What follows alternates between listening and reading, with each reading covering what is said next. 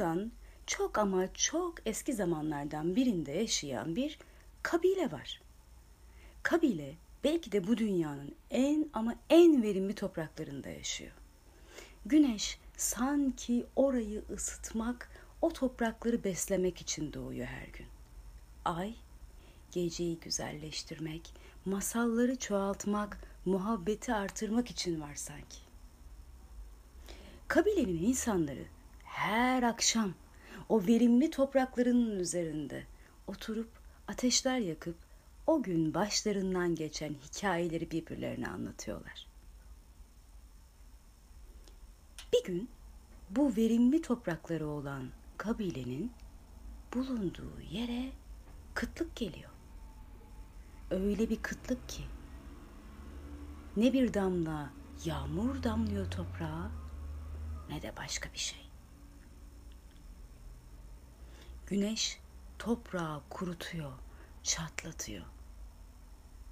Herkes evlerinde sakladıkları yiyecekleri yiyor.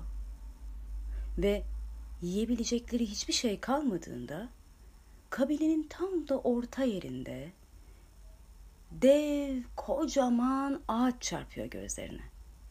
O ağaç atalarından bugüne hep oradaydı. Hatta kabilenin en yaşlısı belki de o ağaçtı.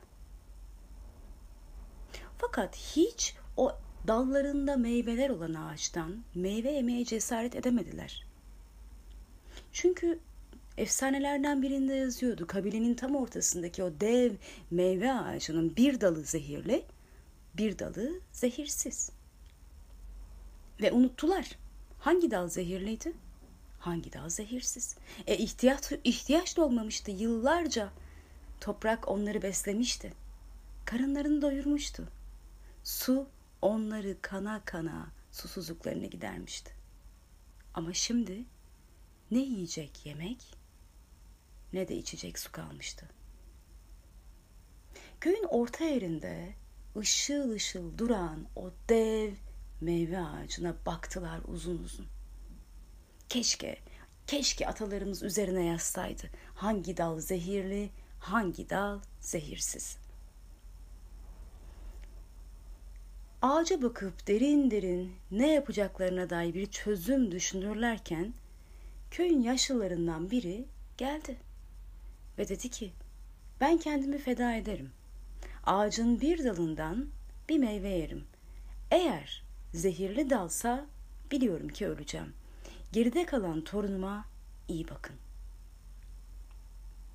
Bütün kabile o gün ağacın etrafındaydı. Yaşlı adam da.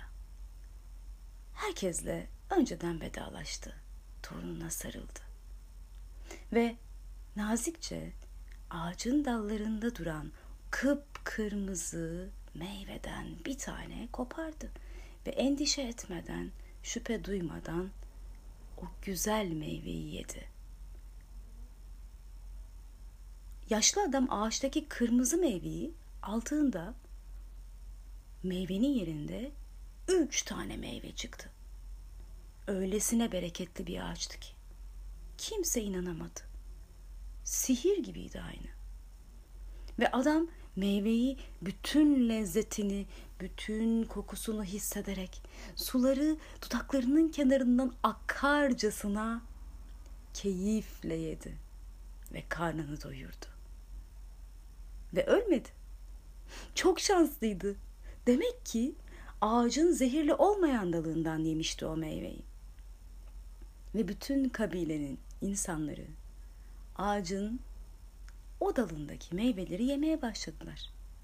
Onlar yedikçe ağaç coşuyordu. Kabilenin insanları bir meyve alıyordu. Ağacın dallarında üç, dört, beş meyve çıkıyordu. Ve akşam oldu.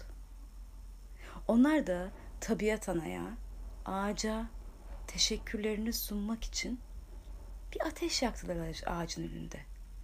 Ve şenlik yaptılar, dans ettiler, şarkılar söylediler, atalarının hikayelerini anlattılar.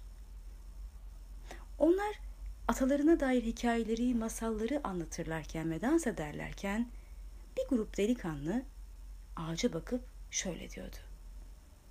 Atalarımız da unutmuş bu ağacın hangi dalı zehirli, hangi dalı zehirsiz. Ve bu kıtlık geçecek.